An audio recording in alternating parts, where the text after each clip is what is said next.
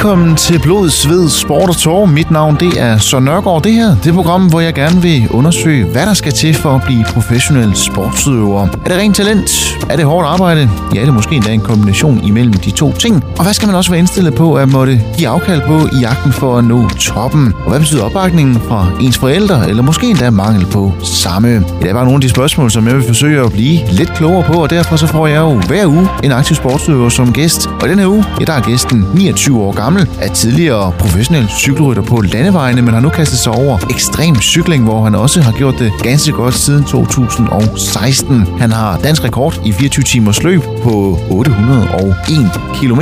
Han er øh, verdensmester i 24 timers Age Group 2019. Han har øh, stået på podiet ved seks forskellige World Cups, og så er han altså også nationalmester i 24 timers ekstrem cykling i 2019 og 2020. Det er dig, Mads Frank. Velkommen til, og ja, tak fordi du gerne vil være med. Jo, tak. Og Mads, øh, jeg sætter jo stor pris på, at du, øh, jeg ved ikke om der er, man kan kalde det off-season lige nu, når man snakker om, at du laver ekstremcykling, men jeg er i hvert fald meget glad for, at du er, er klar på at lige at afsætte en lille time af din, øh, af din hverdag, så, men lad mig lige høre, hvordan, øh, hvordan er det lige pt? Altså, øh, er der lidt off-season, eller er man altid lidt i gang? Jamen altså, det her med at snakke off-season, øh, det, det er jo sådan en, en fantastisk diskussion, fordi der er nogen, der ligesom siger, jamen så holder de helt fri, eller de laver alternativ sport, eller hvad det nu er. Det er jo, det er jo lidt et begreb fra, øh, fra professionel landevejscykling, hvor rytterne traditionelt ligesom tager et par uger, hvor de har mulighed for at, at holde helt fri.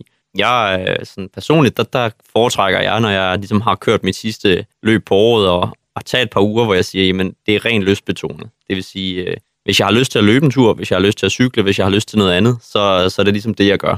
Og øh, jamen, jeg havde sidste løb i starten af oktober, og så holdt jeg nogle uger der, og så er jeg så småt i gang nu her med, med den første træningscyklus, kan man sige, frem mod øh, 2022. Ja, for det skal jeg jo også lige sige, det fik jeg jo ikke sagt i intro, men du har jo også eget firma ved siden af, så der er jo også en, en hverdag, der skal gå op ud over at kunne fokusere på øh, ekstremcykling. Vi kommer til at vende både, øh, ja, selvfølgelig hvordan det går lige nu med din øh, karriere for ekstremcykling, og det her med at både have, ja, have balancen i, i hverdagen med øh, træning, arbejde og så videre. Men jeg, jeg tænker, Mads, vi skal, vi skal jo også lidt tilbage til begyndelsen. Altså, nu sagde jeg jo også, at du er tidligere øh, professionel på, på landevejene, hvor du har kørt på Europaturen. Men, men ekstremcykling, hvornår begyndte du egentlig på det? Jamen altså, øh, det her med at køre sådan noget ekstrem langdistance og ultracykling, det, det startede egentlig øh, lidt ved et tilfælde, hvor jeg i, i 2016 ligesom havde, havde indset den her, som, som rigtig mange ryttere nok gør på et tidspunkt, der siger, okay, jeg har måske nået mit, mit sportslige niveau på, øh, på landevejen, hvor, hvor, hvor jeg bliver ikke rigtig bedre, og udviklingen er ligesom stoppet. Hvor er jeg nu, og, og hvad er det, jeg gerne vil? Så den her situation, som, som, som rigtig mange sportsudøvere, tror jeg, på et eller andet niveau,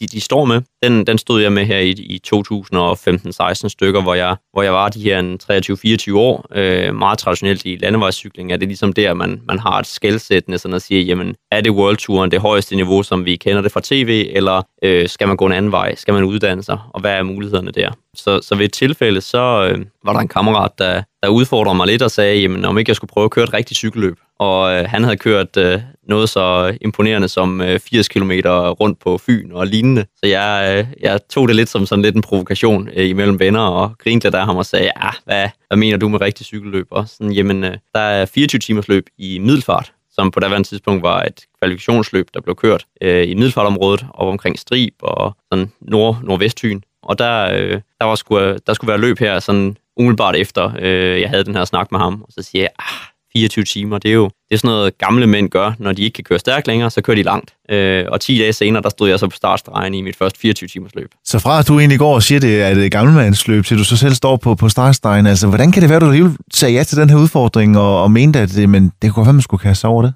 Jamen, i første omgang, der var det egentlig bare som en udfordring. Altså, jeg havde ikke set, at det var noget, jeg skulle sådan... Øh, bedrive videre og, og bruge tid på. Jeg havde set det mere som, at øh, det kunne da være en meget sjov ting. Nu, øh, min form var ikke helt væk. Øh, det er jo sådan den klassiske kliché blandt, øh, blandt sportsudøvere, at det øjeblik, man stopper, jamen, så forsvinder formen lynhurtigt. Og det her, det var stadigvæk i en, gangvær, i en igangværende landevejssæson, så jeg havde jo ligesom muligheden for at kunne sige, jamen, det, det kan være, at jeg skal, skal, skal lige prøve at bruge formen til at se, hvor langt kan jeg egentlig køre på 24 timer. Og jeg havde egentlig ikke øh, sådan de store ambitioner, eller et eller andet sådan setup, eller en tankegang bag en strategi for den sags skyld. Altså det, det var meget impulsivt. Øh, som sagt, 10 dage fra jeg snakkede med ham, til jeg stod på startstregen. Øh, og jeg kan faktisk huske, at jeg står ved siden af en i den her startboks, hvor man bliver sendt afsted. Og så, øh, han er noget ældre end mig, og jeg kigger på ham, og han lever op til mine øh, fordomme omkring, hvad ultraløb det, det er sådan lidt ældre herrer, der, der gerne vil køre langt, og så siger jeg sådan, om han har forberedt sig godt. Ja, jeg har trænet i to år, siger han så. Og så kigger jeg sådan lidt på ham, og så tænker jeg, holy shit, jeg har forberedt mig specifikt på at køre langt i, i 10 dage, ikke? Øhm, så, så det, er jo, det er jo en voldsom udfordring, kan man sige, at sætte sig selv, men, men jeg synes, det er sjovt, og det, det, jeg,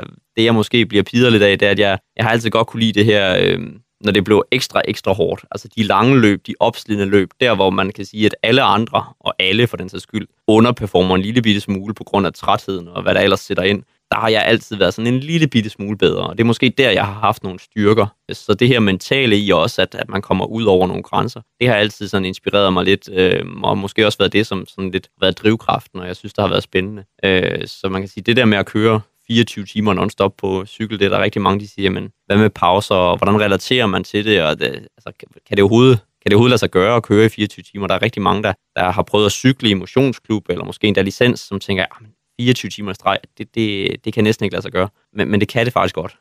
så det, det, er, det er lidt med træning, og, og så er det selvfølgelig rigtig meget med tekniske og taktiske aspekter i det. Kører man det som et, et traditionelt landevejsløb eller et motionsløb, så holder man ikke særlig længe i et 24 timer. Det er helt sikkert. Nej, for nu har du så siden 2016, hvor du øh, står til dit første løb derefter ja, 10 dages forberedelse. Du blev så bidt af det, fordi du dyrker det jo stadigvæk i dag, også på, på rigtig højt niveau internationalt. Altså, hvad, hvad var det der i Middelfart, der gjorde, at øh, du tænkte, det her, det, det, det er ikke bare en indgangsting, det skal, det skal være noget som... Altså, var det det der med, som du siger, øh, altså, den der lange distance, der, der, der, der pirrede et eller andet ved dig og sige, okay, man bliver udfordret på en eller anden måde? Jeg vil sige, at det, der var måske flere ting i det, men, men ja, det ene, det var øh, det her øh, mentale udfordring i at sige, at der er så mange facetter i det. Øh, og dybest set er jeg jo egentlig bare en nørd, der synes, det er fedt at, at gå ind i, ind i de små detaljer og nørde alting. Og man kan sige, at ved 24 timer, der er der så mange facetter, fordi du har en ting af den fysiske forberedelse, så er der nogle mentale aspekter i det. Der er noget udstyrsmæssigt setup. Hvad med din ernæring undervejs, væskeindtag, saltbalance osv. osv.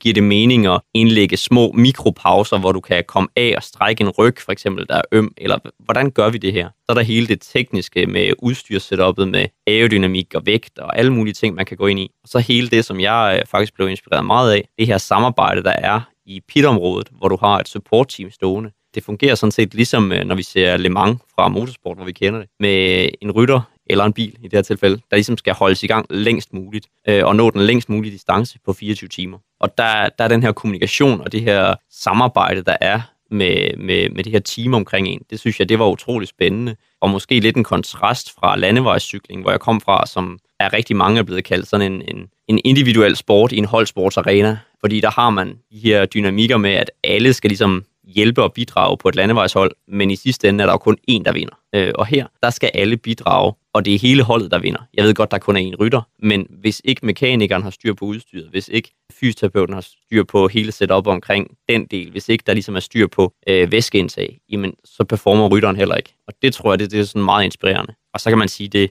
det der måske i virkeligheden triggede mig mest i, øh, der i 2016 ved at, ved at køre mit første 24 timer, det var, at jeg fandt ud af, at jeg var god til det. Øh, øh, kunne, du, kunne du bare øh, altså, mærke det med det samme? Altså gik du hen og vandt, eller hvordan, øh, hvordan klarede du dig? Jamen i mit første løb der, der øh, startede jeg som, øh, som mange nok vil gøre, øh, i, hvis man kommer fra landevejscykling og tænker, nu skal jeg bare køre 24 timer. Så jeg startede som død og helvede. og, øh, og kørte, hvad jeg kunne, og efter en 12 timer, der tror jeg, jeg førte hele løbet med 20 minutter ned til nummer to. Så det gik jo rigtig godt. Øh, og efter 14 timer, der sad jeg i en grøft og havde det skidt. så, øh, så man kan sige, laver alle begynderfejlene, øh, kører for hårdt på, har ikke styr på væskeindtag, har ikke styr på saltbalance, har ikke styr på særlig mange ting, men kæmper lidt med det. Og om natten, der, der, der led jeg rigtig meget i det første løb der, fordi men, de fleste landevejsrytter har også prøvet at køre lange ture og træningsture og køre lange løb. Men hvis man kigger på World Touren for eksempel, så det længste, de har, det er Milano Sanremo, som er omkring de her 300 km. Jamen 300 km, det, det er bare ikke engang halvvejs igennem et 24-timers løb. Så på den måde, så, så kommer man lidt i, ud i det her ukendte land, hvor man ikke rigtig ved, hvad der skal ske. Og øh, der var et eller andet der, der bare fungerede for mig, da vi kom derud, og jeg synes ligesom, okay, nu, nu starter løbet rigtigt. Øh, og det lyder lidt sindssygt at sige, men, men, men det var virkelig inspirerende at være en del af, og øh, jeg endte med at blive tre og samlet i løbet. Så på trods af, at det ligesom gik noget ned om natten, så, så fik jeg da kæmpet en podieplads hjem, og blev så kontaktet efterfølgende, og fik at vide, at øh, det her, det var faktisk øh, den, den yngste rytter, der var gået på podiet nogensinde. Så på den måde kan man sige, der, der var lige pludselig et, et uforløst potentiale der, da jeg stod som 24-årig på, på skamlen på et, et 24-timers løb. Men hvordan, hvordan har det så været som, igen, tidligere professionel cykelrytter, du har jo cyklet i rigtig, rigtig mange år. Hvordan var det pludselig, og nu tænker jeg også i dagligdagen, det der med, altså nu har du skulle fokusere på at køre kortere distancer øh, på landevejen, til pludselig at skulle gå omlægge hele sin hverdag, fordi nu, nu var det et helt andet, en helt anden måde at træne på, tænker jeg. Ja, det er klart, det er en, det er en anden træningsstruktur, og det er en anden øh, løbstruktur, og det er,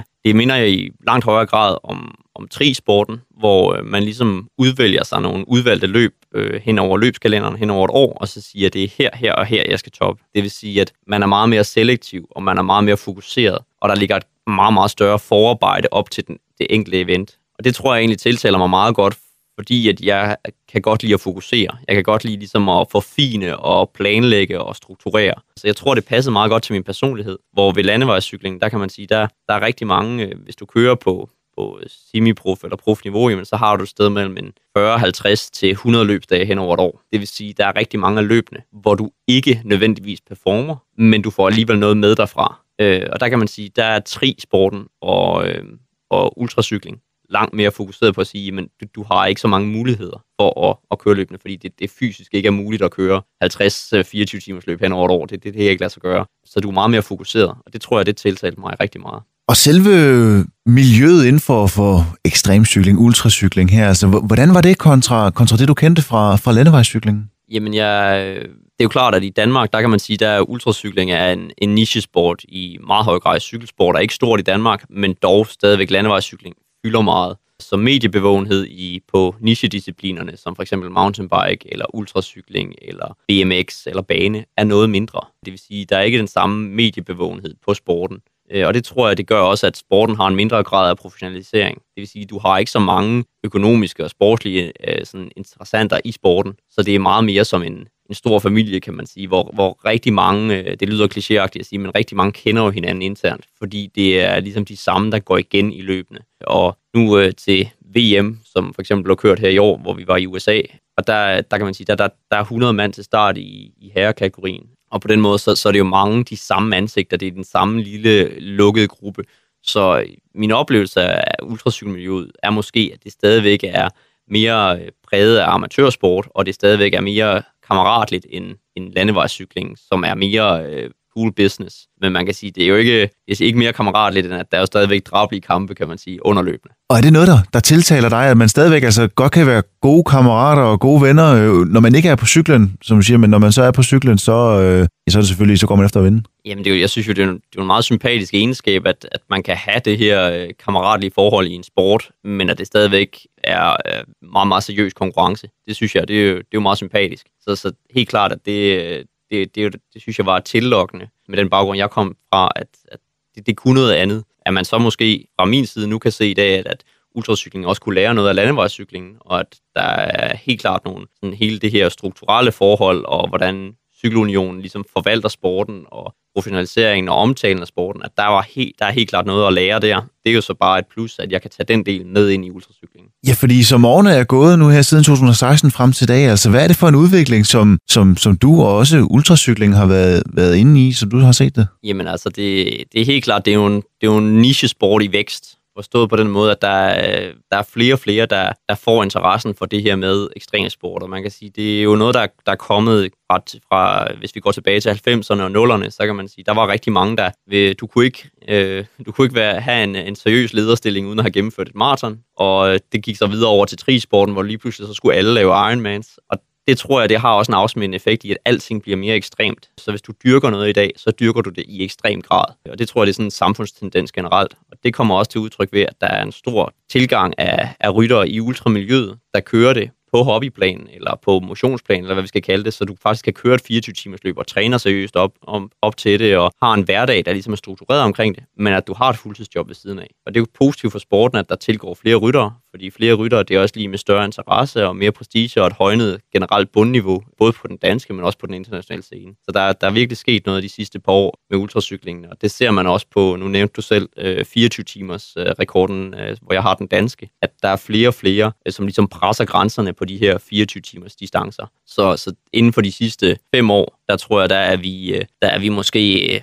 6-7 stykker, der er kommet over den her 800 km grænse. Og totalt set, så er vi på nuværende tidspunkt, der er vi 16 i verden, der har været over 800 på 24 timer. Og det fortæller altså noget om, at det er en sport, hvor der stadigvæk presses rigtig mange grænser i øjeblikket. Og vi skal snakke meget mere om øh, ultracykling, og også selvfølgelig din karriere inden for øh, ultracykling. Det gør vi lige på den anden side af et kort stykke musik.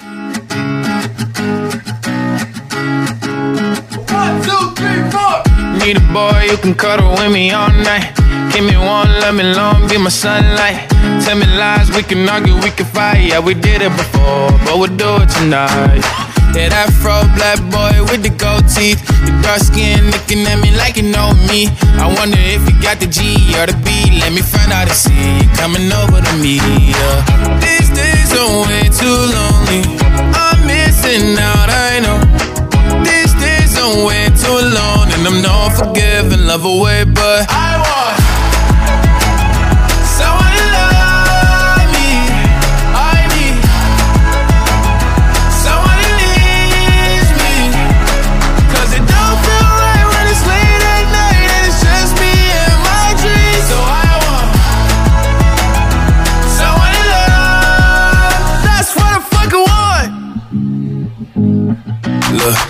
It's hard to define in these times, but I got nothing but love on my mind.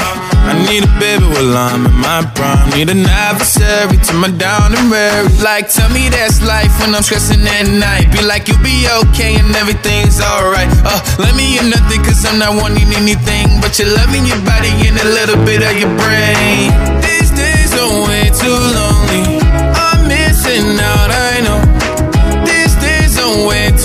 And I'm not forgiving, love away, but I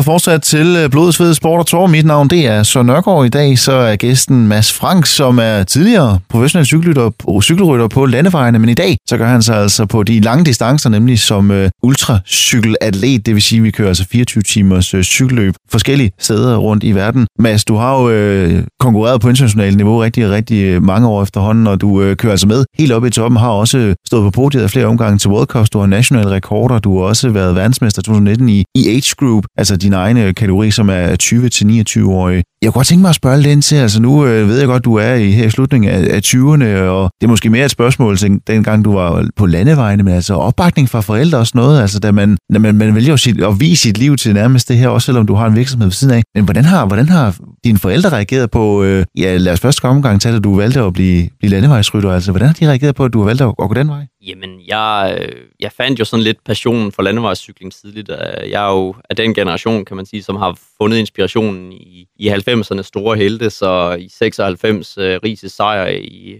Botakam og hvad de nu ellers hedder, der, er jeg jo, der, der lå jeg under, under sofabordet og så med øh, nede på gulvtøbet og skreg af fjernsynet som en lille dreng øh, og kørte om kap med de andre børn ude på vejen. Så, så inspirationen har jo ligesom været der fra en tidlig alder. Og så øh, gradvist har det jo bare fyldt. Ikke at jeg ikke har dyrket andet sport. Jeg har også dyrket en masse forskellige fritidsinteresser og hvad der nu ellers er op igennem barndom og ungdom. Men gradvist har det ligesom overtaget mere og mere. Og da jeg ligesom begyndte at, at, øh, at konkurrere mere med licens og så videre op igennem aldersklasserne, så, øh, så var det meget naturligt, at, at mine forældre lige ligesom støttede op om det. Så, så der har jeg jo ligesom haft supporten altid i forhold til mange af de her øh, chancer, som der er for forældre, for, øh, der, med, med, med børn, der dyrker et eller andet på konkurrenceplan, men så er der mange køreture til Jøring og Aalborg og Svendborg og over på Sjælland og køre et lokalt cykelløb og så tilbage igen. Så det er der blevet brugt rigtig mange weekender på, øh, mange ressourcer, det er klart. Men, men jeg synes egentlig så, at mine forældre har altid øh, supporteret rigtig godt, og der har været bred opbakning til, at jamen,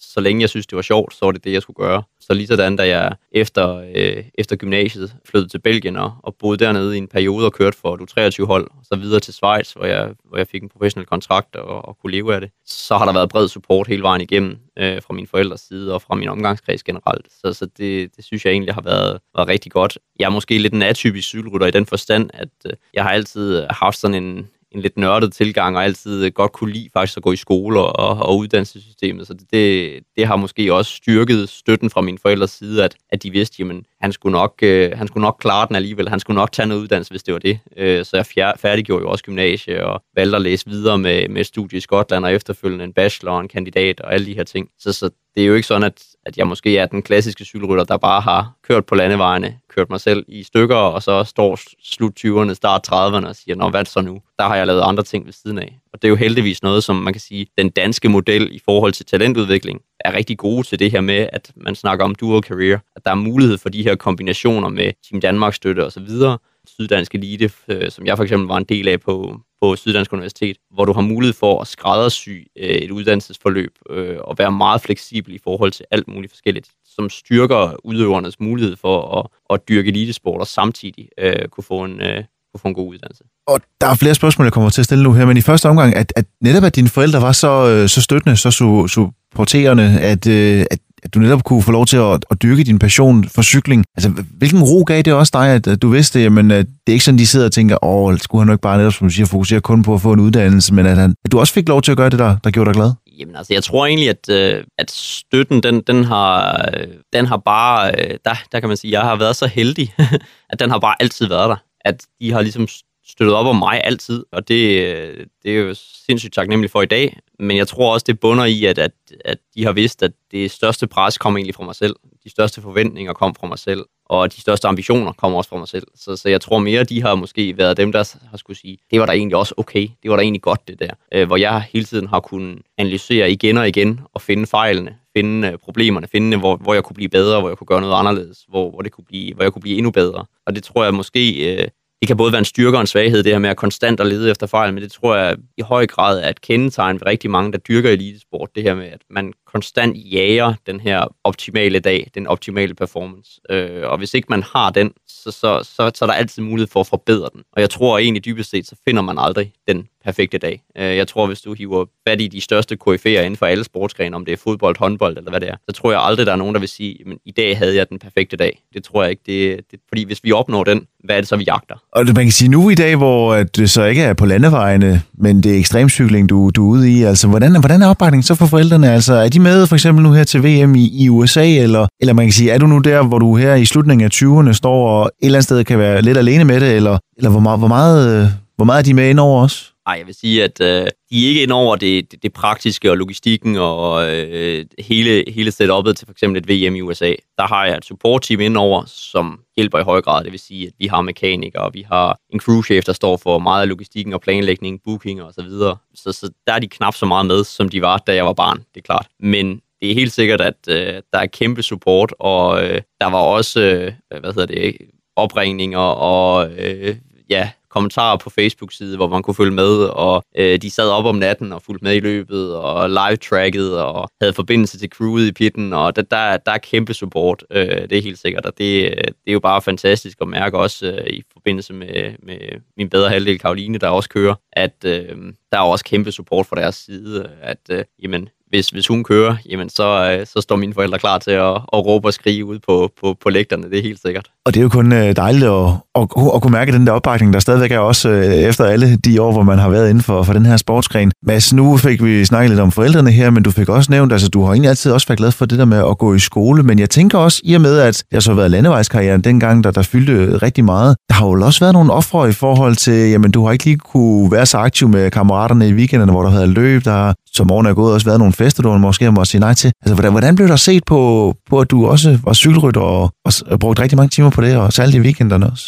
Jamen, jeg tror, mange cykelryttere, øh, ja, måske sportsudøvere i almindelighed, øh, skiller sig lidt ud i de øh, miljøer, som de indgår, fordi at man har lidt en, en splittet øh, tilværelse, så at sige. Og jeg tror, nu kan jeg selvfølgelig ikke tale på alles vegne, men, men i hvert fald i mit eget, i mit eget tilfælde, der var jeg lidt en ener Forstået på den måde, at jeg, jeg var ikke en af dem, som, som kom til festerne, som var med til de sociale aktiviteter, som engagerede sig voldsomt i øh, gymnasielivet, eller hvad det nu var. Fordi jeg prioriterede min tid andet sted. Og det kan virke meget målrettet og fokuseret og indelukket, og det, det, det jeg ser ikke mig selv som indelukket person. Men korrekt, det er meget fokuseret, og det er et, en, en lukket kreds. Så man kan sige, jeg tror, mine sociale relationer de var i andre miljøer end i gymnasiet for eksempel. Det var i den lokale cykelklub blandt øh, holdkammerater, venner og bekendte, som havde en, en eller anden berøringsflade med det. Selvfølgelig har jeg venner fra, fra, fra skoletiden, som har holdt ved, men jeg tror, at jeg som person også er mere typen, der har, har få nære venner, end at have en hel masse kæmpe omgangskreds. Jeg har stadigvæk venner, som jeg, har, øh, som jeg ser, som indgår og som er en del af, af et crew, som jeg har gået i folkeskole med,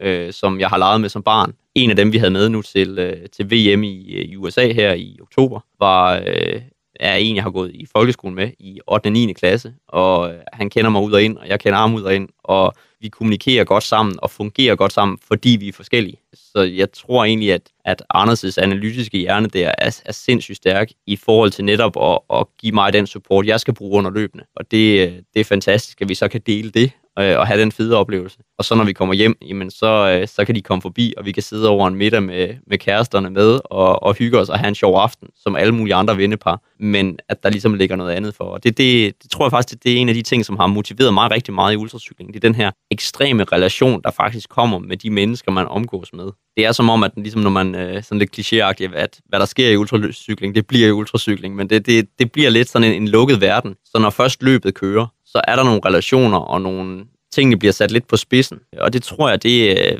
det har lært mig noget omkring, øh, sådan, hvordan man ligesom udvikler samarbejde med mennesker. Forskellige kulturer, hvordan det mødes, og hvordan relationer faktisk er sindssygt værdiskabende i forhold til det. Fordi at alle er presset under 24 timers løb. Det er jo ikke kun rytteren, der, er, der, der skal præstere her. Altså, der, der står en crewchef, som skal holde styr på væskeindtag, post, omgangstider, øh, tage laptider på konkurrenterne, kommunikere med rytteren via radio, altså alle de her ting. Og det foregår altså i 24 timer. Du er bare på hele tiden. Og der er ikke meget tid til lige at hvile, så, så, så de skal jo også performe og være på. Og performer de ikke, jamen, så kommer straffen nogle timer senere for rytteren, hvis det for eksempel er væskeindtag, der, der mis. Så, så det, det, jeg synes, det giver nogle fantastiske relationer i sporten, men helt klart også nogle afsavn i ungdomsårene specielt måske, fordi at der, der er jo samtidig en eller anden social øh, forventning afstemning øh, imellem det at være ung i Danmark, og hvad, hvad kan man forvente sig af det? Men, men det, det, det lyder til, at det ikke er sådan, selvfølgelig sige, der er nogle afsavn, der er nogle valg, der skal træffes i en, i en ung alder, men det, det lyder ikke som om, at du, du fortryder de valg, du har taget undervejs, altså det, for,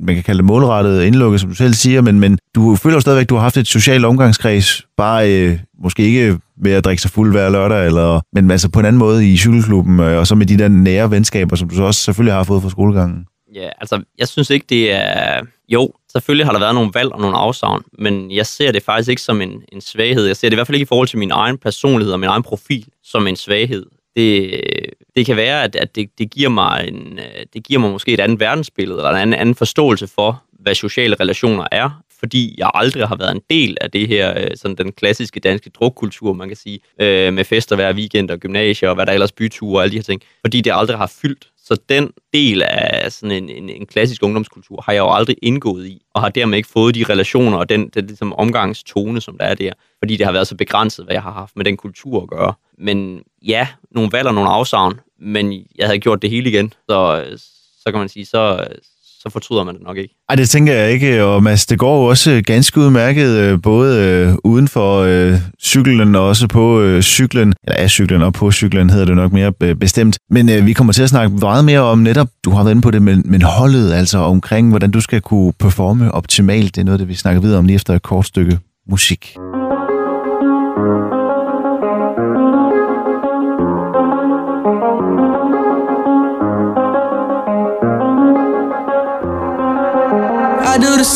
Thing I told you that I never would. I told you I changed, even when I knew I never could. Know that I can't find nobody else as good as you. I need you to stay, need you to stay. I get drunk, wake up, I'm wasted still. I realize the time that I wasted. I feel like you can't feel the way I feel. I'll be fucked up if you can't be right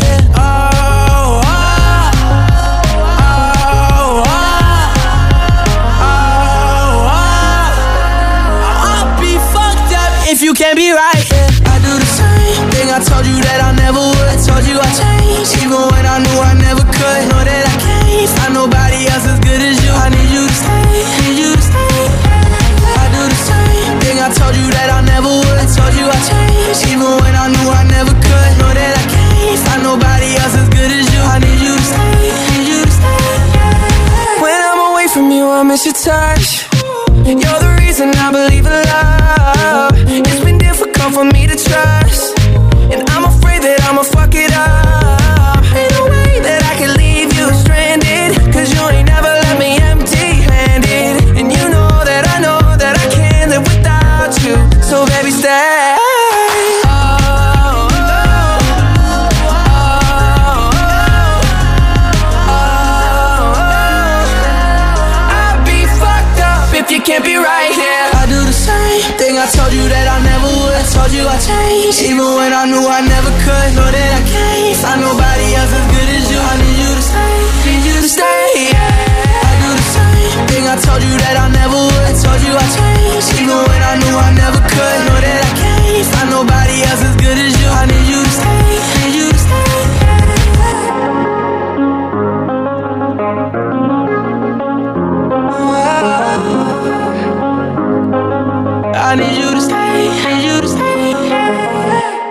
Du lytter altså fortsat til øh, Blodsved Sport og Tår. Dagens udsendelse er med den tidligere landevejsrytter Mads Frank, som i dag har kastet sig over ekstremcyklingen, eller i dag, det gjorde du faktisk tilbage i 2016, og siden da, Mads, så er det jo altså kun gået en vej, fordi du kører altså med herop, helt oppe i uh, verdenseliten til både World Cups og også uh, til uh, VM. Og nu har vi været inde omkring uh, de, selvfølgelig din vej ind i ekstremcyklingen, som uh, startede der i en alder af 3-24, hvor landevejscyklingen, der følte du måske et eller andet sted, at du havde noget maksimalt af potentialet der, men så var der heldigvis en kammerat, der prægede dig på skulderen og sagde, prøv nu at køre rigtig cykelløb i stedet for de her 24 timers løb. Vi har været inde på øh, forældrenes opbakning, og, og det her med at komme igennem øh, ungdom, øh, folkeskole, gymnasiet, hvad for, hvad for valg man skal træffe i den forbindelse. Du har også flere gange været inde omkring teamet, når man kører de her 24 timers løb. Altså, man kender det lidt fra, fra Le Mans, som du selv sammenligner det med, altså, hvor selvfølgelig skal du præstere som rytter, for dig sidder på cyklen, men du har altså også et hold bag dig, som skal være yde optimalt. Altså, hvor meget betyder det her hold for dig? Altså, et af som du siger, i, i løbende, der er en, der skal have styr på væskeindtag osv., osv., videre. Men, men også, i, også i din dagligdag, når du, når du træner, altså holdet omkring dig, hvor meget betyder det for, at du kan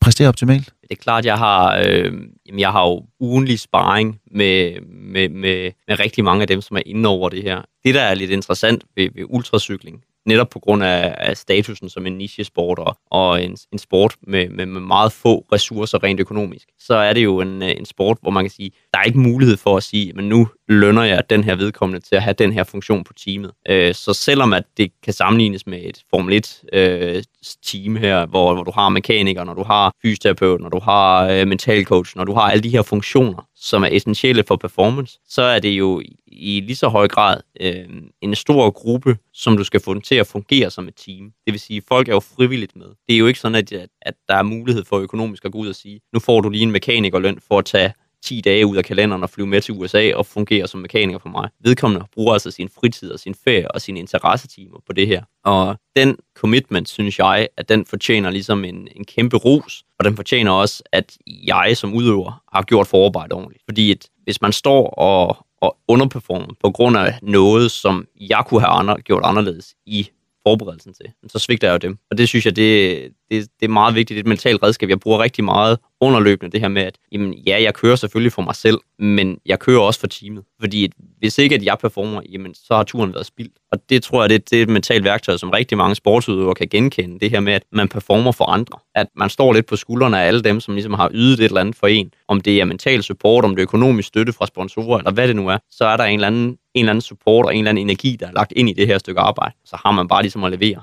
Øh, og det, det, det synes jeg, det er meget vigtigt. Og så synes jeg bare, det er fedt at se det her, øh, den her gruppedynamik. Øh, det er måske kvæg min, min, min uddannelsesbaggrund og mit arbejde som coach. Det her med at se, hvordan kan man få en gruppe mennesker, altså en gruppe, til at blive til et team, til at blive til et high performance team. Altså det her med at få fine processer og kommunikationsveje, fordi der nogle gange, eller som oftest, er stress på. Øh, hvis man ser et Formel 1-team, hvor en bil kommer ind, der skal skiftes hjul, der skal pusses glasset på hjelmen, der skal gøres de her forskellige ting, jamen det er det samme, der foregår i en ultracykelpit. Jeg kommer ind, der skal skiftes dunke, måske skal der ændres noget i dæktryk, måske skal der en anden hjelm, måske skal der noget andet tøj, fordi temperaturen lige pludselig falder. Der er en masse variable, og der er ligesom en kommunikation og en, en træning i det her, så vi træner simpelthen de her pitskifte, hvordan skal de foregå hensigtsmæssigt? Hvem gør hvad, hvornår, og hvordan bliver det kommunikeret? Så, så der er jo en masse ting, man kan forfine. Og det der med at have et skifte, hvor det hele det bare spiller, altså hvor jeg nærmest bare kører ind, bremser ned, klikker ud med den ene fod, foden i, så må de foretage skifte, klikker i igen, og så er jeg faktisk oppe i fart igen.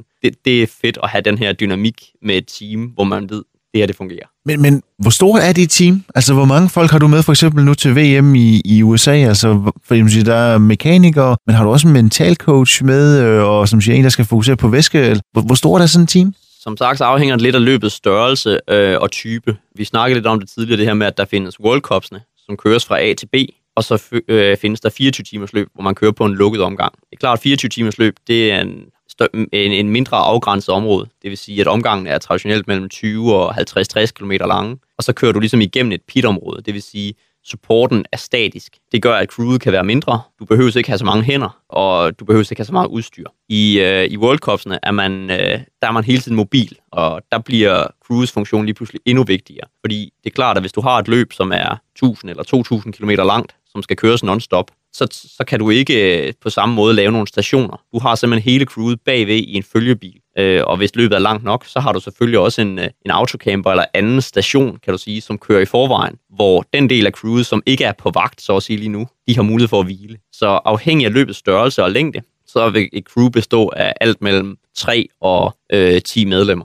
med forskellige funktioner. Øh, og det er klart, at ved, ved de længere løb, hvor, hvor man har dubletter af alle, det vil sige, at der er to mekanikere, der er to fysioterapeuter, der er to af alting, der gør det det ekstra vanskeligt. Fordi så er der lige pludselig også hele det her samarbejde. Hvilke mennesker kan med, med hvem, øh, og hvordan får vi ligesom dem til at fungere godt sammen. Øh, så der, der er lige pludselig en hel masse overvejelser der, som vanskeligt gør løbende. Og tit og ofte så spiller teamet der en afgørende rolle i netop at, at bevare overblikket og få rytteren til at performe. Jeg tænker også, at der er mange ting, der skal gå op i en højere enhed, og selvfølgelig, som du siger, afhængig af, hvor, hvor stort løbet er. Men nu får du sagt selvfølgelig, alle skal yde sit maksimale for, at man kan få det selvfølgelig bedste mulige resultat. Men, men noget af det, som jeg også kom til at tænke på, altså når det nu er 24 timers løb, altså nu ved jeg godt, du har en, en også din egen virksomhed, du er uddannet, og du, som siger, du er også selv coach. Men, men det mentale, altså hvor meget tid bruger du på det øh, i løbet af din karriere, i din hverdag? Fordi altså, jeg tænker, når man sidder derude 24 timer, altså der kan nu gå rigtig mange tanker igennem en, både godt og skidt. Ja, jamen altså, øh, jeg diskuterede det lidt med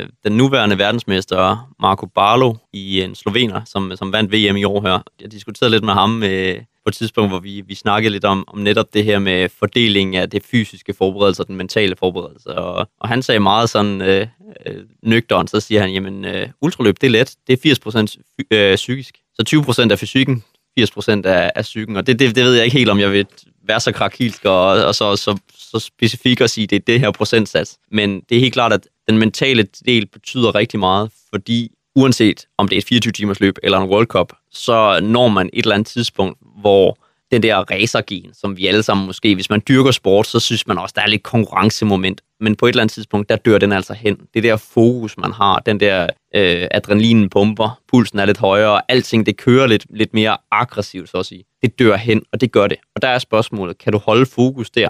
Og det er jo mentalt, fordi jamen, vi kan styre alle mulige parametre, vi kan have styr på vores puls, hvor mange watt skal der trædes i pedalerne, hvad skal kadencen være, hvilke hastigheder skal vi forventer vi, man skal ligge på. Øh, men, men alle de her ting, det, det kan vi kontrollere, men vi kan kun kontrollere det, hvis vi også har styr på det mentale. Hvis først hovedet går, jamen, så går de andre ting også. Så, så det er selvfølgelig afgørende, at, at man har fokus på netop den mentale forberedelse også.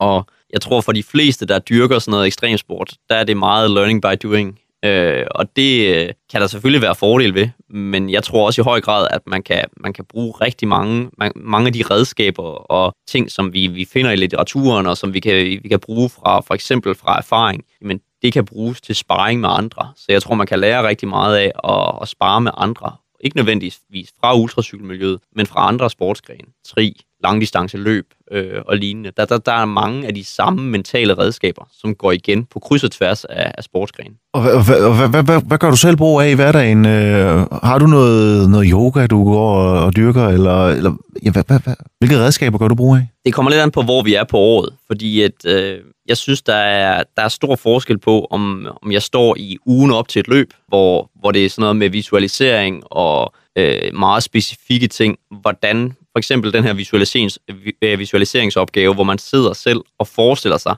hvordan kommer det næste tøjskifte til at foregå? Altså, jeg har visualiseret tusind gange, inden vi har et tøjskifte i et løb, hvordan kommer tøjskiftet til at foregå. Jeg skal have den jakke på, jeg skal have de her handsker, jeg skal have den der hjelm af og den der hjelm på. Altså, jeg har set det ske så mange gange, det mentale billede, at jeg, jeg ved, hvordan det kommer til at foregå, inden det kommer til at foregå. Og det er jo et mentalt redskab, et du kan sige, et fokuseringsredskab, som kan bruges rigtig meget, og jeg tror, man bruger det i alle sportsgrene. med øh, klassikeren af mentalcoachen på et fodboldhold, der siger, forestil dig at skyde spar- øh, spark, øh, spark et straffespark her. Jamen, hvordan føles det? Hvordan er græsset? Hvordan er underlaget? Øh, hvordan er lugten? Hvordan er fornemmelsen omkring den? Hvordan føles din støvle? Er den spændt? Er den løs? Alle de her forskellige små facetter. Og det kan man gøre, og man kan gå i ekstrem detaljer. Og det er jo det er et super fint visualiseringsredskab, som man kan bruge til fokusering men man kan sige lige nu for eksempel, hvor jeg står nu i min, i min off-season eller lavsæson, hvor, øh, hvor der selvfølgelig er en masse træning indover, der er det måske ikke der, jeg skal fokusere på lige præcis, hvordan et skifte kommer til at foregå i et løb, der end ikke er planlagt endnu. Så der er det nogle mere sådan nogle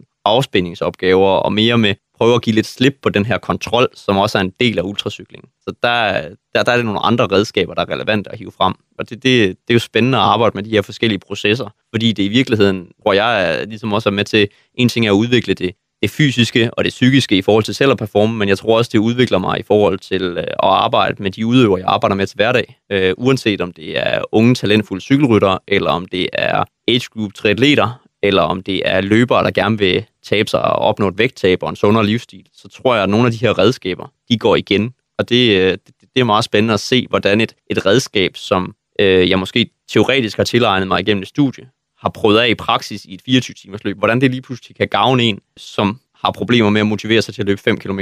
Øh, det er meget spændende, at de samme mentale redskaber faktisk fungerer øh, i forskellige arenaer. Ja, for nu, du, du nævner selv det her med din uddannelse også. Altså, hvad betyder det for dig, at du har, har fået taget en uddannelse sideløbende, så det ikke kun har været fokus på i første omgang landevejskarrieren, og så nu her efterfølgende ekstremcykling, at du også har den der anden side, hvor du kan være coach øh, og, og netop have dykket ned i studiebøgerne, og nu har egen virksomhed. Altså, at, at du ligesom har, man kan sige, to, øh, to sider af hverdagen, hvor den ene det er, det er ekstremcykling, og den anden det er, det er ligesom virksomheden, øh, der skal passes, og så økonomien også øh, løber rundt. Jamen, jeg synes, det, jeg tror, det, det styrker de flestes, øh, de fleste sportsudøvers profil og, og tankegang og sportslig karriere at have noget ved siden af. Om det er noget, så skal være en, en boglig uddannelse øh, på, på universitetet, eller om det skal være en faglært uddannelse øh, i et håndværk, det, det, det skal jeg ikke gøre mig til dommer over. Men, øh, men det her med at have et eller andet, som giver en noget andet stimuli, det tror jeg, det, det er sindssygt vigtigt for rigtig mange udøvere.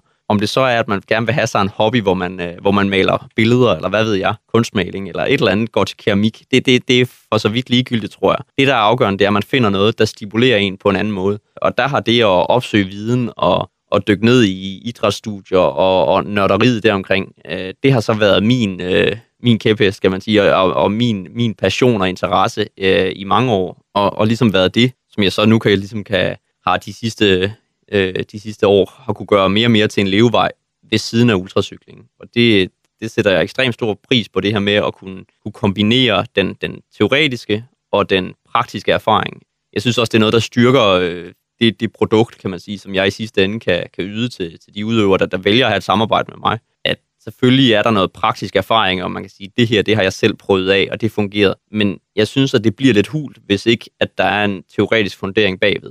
Og omvendt, så kan du være den bedste teoretiker, men hvis du aldrig har prøvet det, hvis du aldrig har siddet i situationen, hvis jeg sidder over for en udøver, og udøveren siger, det gør så ondt, sådan og sådan og sådan her. Det er den her, jeg, jeg får så ondt af mig selv i den og den her situation. Hvis jeg aldrig nogensinde har prøvet at dyrke sporten selv, aldrig nogensinde selv har prøvet det der med, at, at det går ondt på den måde, hvordan skal jeg så kunne forholde mig til det? Så det er rigtig svært at vejlede omkring det. Hvis jeg har en eller anden teoretisk viden, så kan jeg give et eller andet mentalt værktøj, som jeg siger, det her det har jeg lært fra studiet, held og lykke med det. Men hvis ikke jeg har prøvet det af, batter det så noget? Når man nu har en, øh, en virksomhed, som du siger, der skal drives, så der er gang i butikken i løbet af sådan en uge. Altså, hvordan, hvordan får du kombineret din hverdag med virksomheden, med også at kunne dyrke øh, altså træning til at kunne, kunne være klar til det løbende i øh, ekstremcykling? Fordi 24 timer, lad os udgangspunkt i, i de her 24 timers løb. Altså, hvordan, hvordan træner du op til sådan et løb? Altså, fordi Altså, du kan jo ikke bare sætte ud og sige, okay, nu bruger jeg hele lørdagen på at, at køre øh, på, på, på cyklen. Altså, hvordan, hvordan, hvordan træner man op til sådan et løb? Jamen, det er jo, det er jo interessant, fordi der er jo, der er jo mange veje ført til Rom,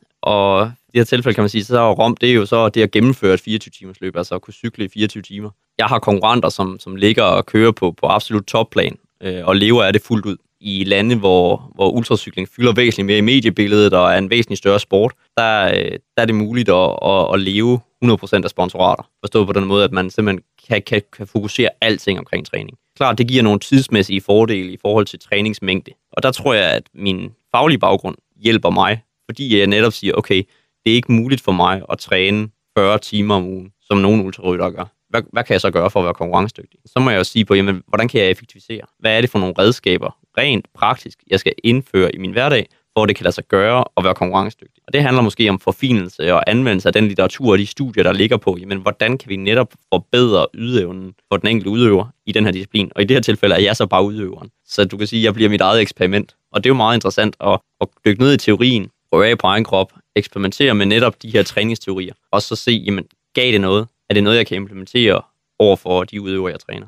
Men altså, lad os tage udgangspunkt i, øh, i en uge her, hvor at, øh, lige nu er det, som du siger, lavsæson. Der er ikke noget som sådan øh, mål, du skal, du skal kæmpe, øh, fokusere hen imod. Altså, hvor mange timer bruger du på, på ultracykling i løbet af altså nu her? Jamen, øh, jeg bruger væsentligt mindre end rigtig mange andre, fordi jeg træner effektivt. Så det, øh, det, det er det fede ved øh, at se, når en konkurrent ligger op, at vedkommende kører øh, 35 eller 45.000 km hen over en sæson. Og jeg så tænker, Nå, men i år der har jeg kørt 30, men jeg slog ham i alle løbene. Så, øh, så, så, så, så det giver et lille, øh, hvad kan man sige, akademisk øh, kip med hatten over for mig selv, fordi så ved jeg, okay, så har jeg sgu da gjort noget rigtigt. I stedet for, at jamen, jeg træner hovedløs. Der, der har været rigtig meget øh, sådan et begreb, der florerer både i landevejscykling og i ultraløbning, junk miles. Altså kilometer, der ikke rigtig giver noget. Du kører, og du kører, og du kører, men, men, men hvad er formålet? Der har jeg meget fokus på i min egen træning, og i, med dem, jeg træner, at vi skal have et formål med at træne. Der skal være et fokus. Hvad er det, vi træner lige nu? Hvis ikke vi har et fokus, så skal vi lade være med at træne.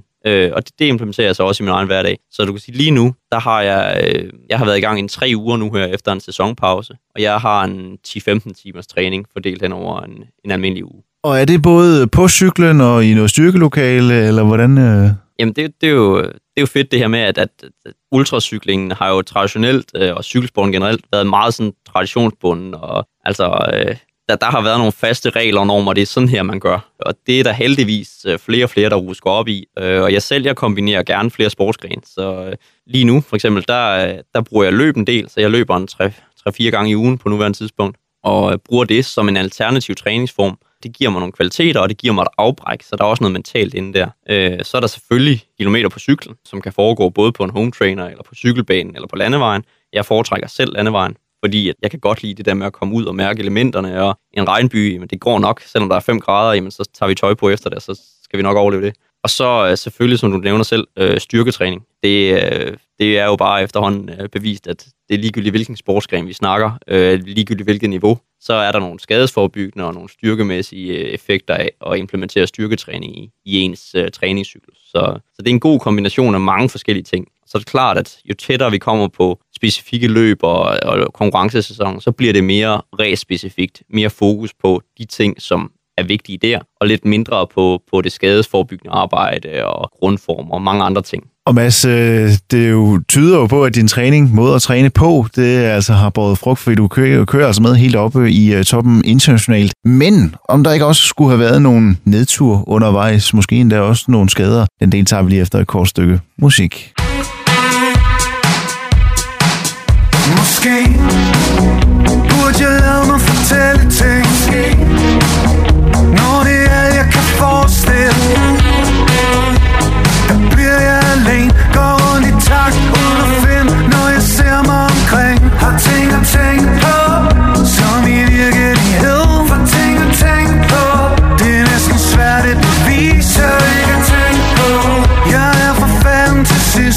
Måske Burde jeg lade mig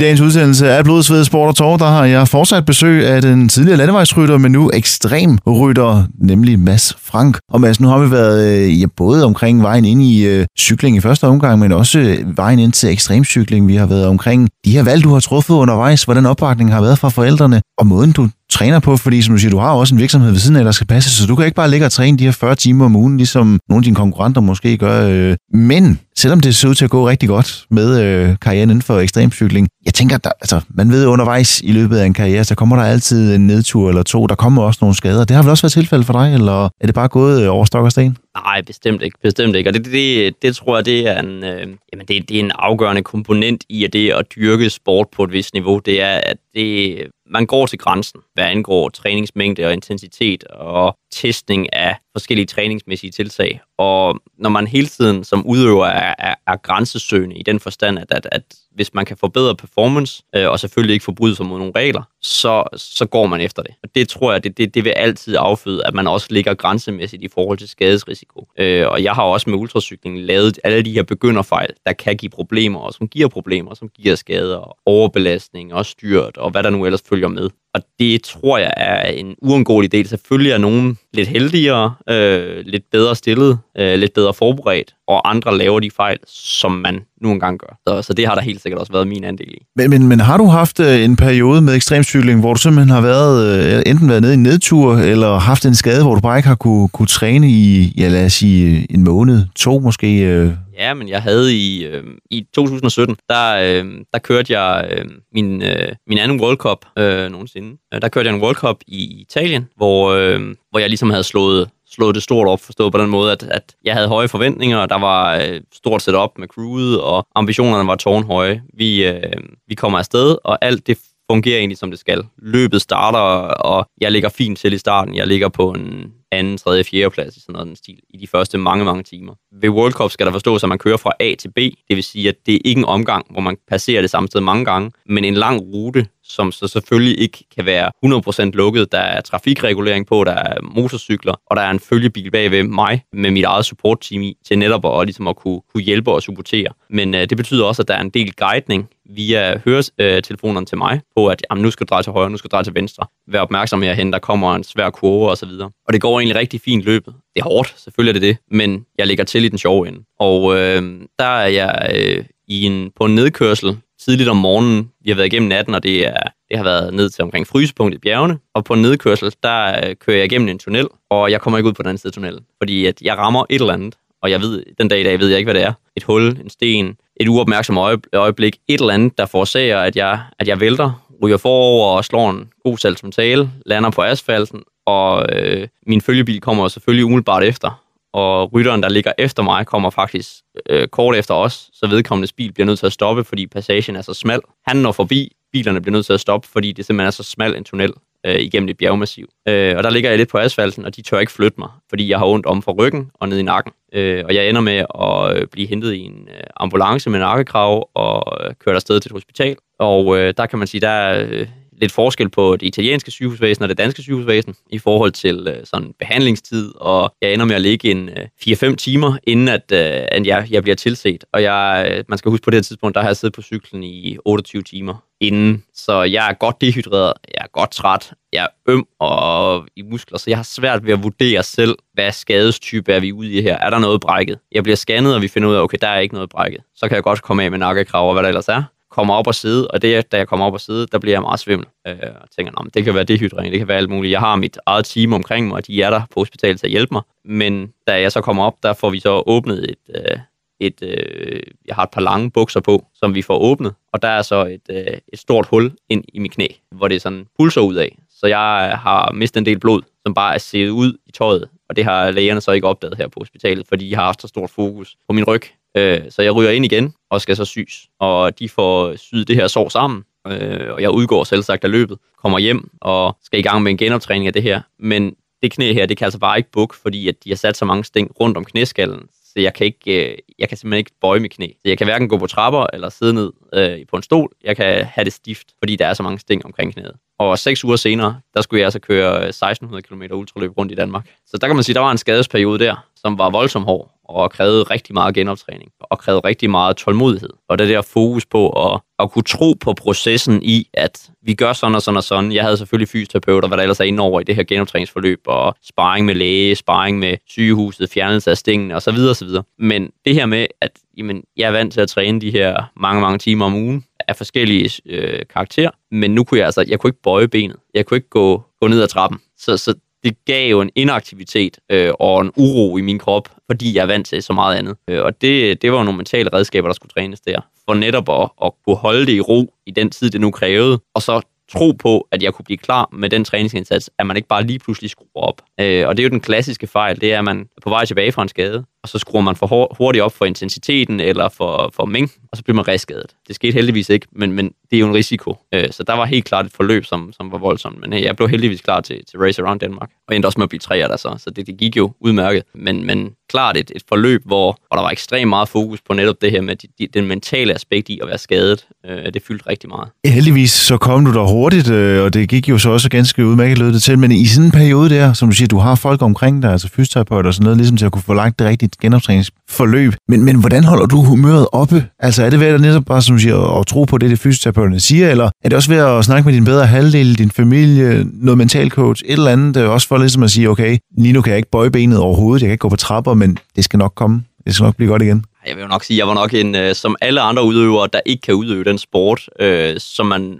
man ønsker at gøre. Jeg tror, det gælder alle, uanset sportsligt niveau. Hvis man dyrker et eller andet, og man lige pludselig ikke kan det, så er man øh, øh en pain in the ass, rent sagt. Altså, man er ikke, øh, ikke til at være i nærheden af. Øh, og det har jeg helt sikkert heller ikke været. Så der kan man sige, der er selvfølgelig er støtte fra familie og venner og omgangskreds, og selvfølgelig er det afgørende, men i sidste ende, så sidder man jo bare selv tilbage med frustrationen. Fordi uanset hvor meget støtte og, og gode ord og øh, velmente bemærkninger og hjælp øh, til i mit tilfælde til indkøb og til alting, fordi jeg ikke kunne bøje det ben her. Men det er jo rigtig fint alt sammen, men du sidder stadigvæk tilbage med frustrationen. Og det er jo så et spørgsmål om, hvordan bearbejder man det? Hvordan håndterer man, at man sidder tilbage med en eller anden frustration over ikke at kunne slå til, eller kunne gøre det, man gerne vil? Øh, og det tror jeg, det rammer alle, der dyrker en eller anden sport og får en skade, uanset sportsligt niveau. Så der sidder sikkert øh, millioner af danskere og kan, kan ikke genkende i den del. Men Mads, du kom jo heldigvis, som du selv siger, også øh, ovenpå igen, og i dag så øh, konkurrerer du altså også stadigvæk øh, i både World Cups og øh, 24 timers løb rundt om i, i hele verden. Tiden, den er desværre ved at løbe øh, fra os, så jeg har et spørgsmål tilbage, inden jeg slipper dig for i dag, øh, og nu er det jo også sådan, jeg vil godt tænke mig, øh, Øh, hvis du skulle give et råd videre til,